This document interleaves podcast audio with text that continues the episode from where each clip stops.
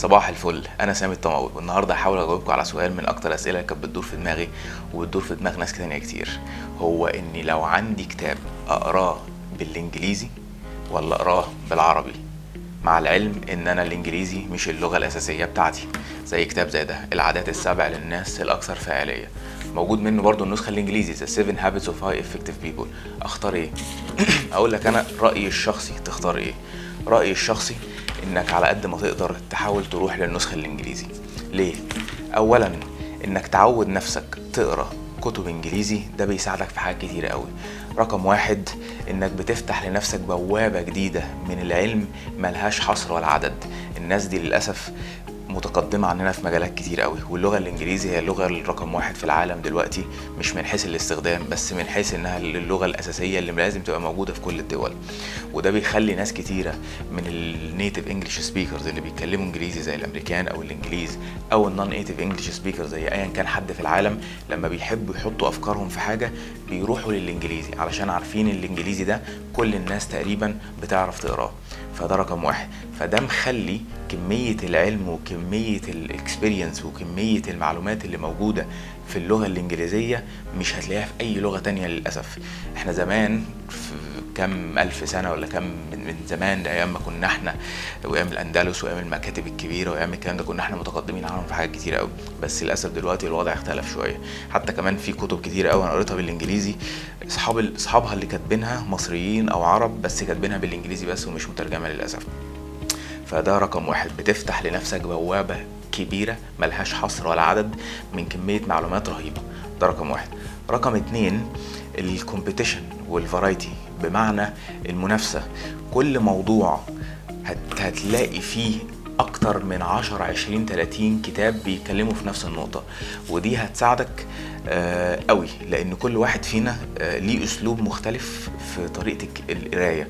آه ليه خلق ضيق عن التاني. في ناس بتحب الكتب القصيرة في ناس بتحب الكتب اللي تكون صريحة وداخلة في النقطة ودي مديني الزتونة بالظبط. وفي ناس بتحب القصص.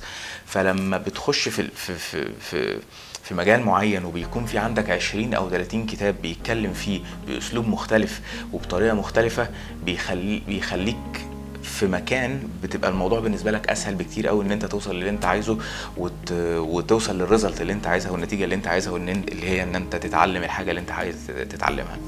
ده رقم اتنين. رقم ثلاثة هيساعدك قوي قوي قوي قوي في موضوع اللغة. إزاي؟ آه أنا عارف ان انت لما هتيجي تبتدي الموضوع هيبقى تقيل. هتحس ان هو صعب بياخد وقت بتحاول تقرا وبعدين كل شوية بتقف ومش عارف معنى الكلمة دي.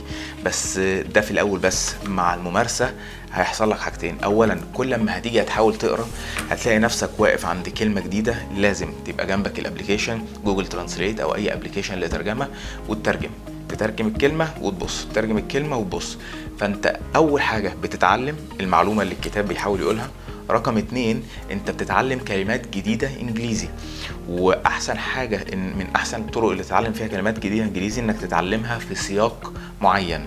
بمعنى إيه؟ بمعنى ان انت لما تمسك مثلا جدول كده فيه 10 أو 15 كلمة وتقعد تحفظهم كلمة كلمة مش زي انك تمسك الكلمات هي هي وتحطها في جمل وتبتدي تقراها. لأن الموضوع وان انت بتقراها في سياق بيخليها تثبت أكتر.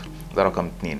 رقم تلاتة بينمي لك مهارة إن هي إن أنت تقدر حاجة بيقول عليها تانتسيبيت أو بريدكت آه لو أنت بتقرأ جملة وعارف فيها عشر كلمات عارف معانيهم وهي الجملة 11 كلمة في كلمة واحدة مش عارف معناها.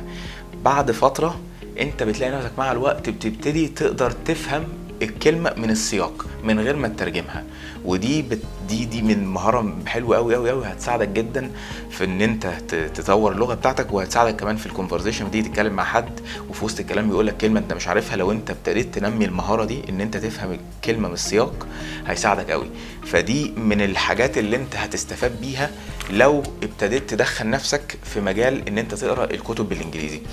آه ابتدي واحدة واحدة وأنا عارف الموضوع خلق بس خلي في اعتبارك إن أنت لما بتيجي تقرأ كتاب إنجليزي أنت مش مش بس بتقرأ كتاب إنجليزي أنت بتقرأ كتاب إنجليزي وبتتعلم إنجليزي وبتفتح لنفسك مجال مختلف على ثقافة مختلفة لأن الراجل اللي بيكتب الكتاب بالانجليزي ده غالبا بيشرح لك قصص في النص وحاجات ليها علاقة بالبلد اللي هم فيهم وطريقة تفكيرهم فبيفتح لك مجالات مختلفة قوي فوسع على نفسك وحاول على قد ما تقدر لو في قدامك اختيارين دور على الاختيار الإنجليزي الأول هياخد منك وقت في الأول بس صدقني على اللونج تيرم على الم- المدى البعيد هيفيدك أكتر من أي حاجة تانية زي ما فدنا أنا شخصيا. شكرا ليكم وأتمنى أسمع رأيكم ولو عندكم أي أسئلة سيبوها في الكومنتات وإن شاء الله بإذن الله أجاوبها ويمكن كمان أعمل حلقة عليها. يلا أشوفكم بخير. مع السلامة.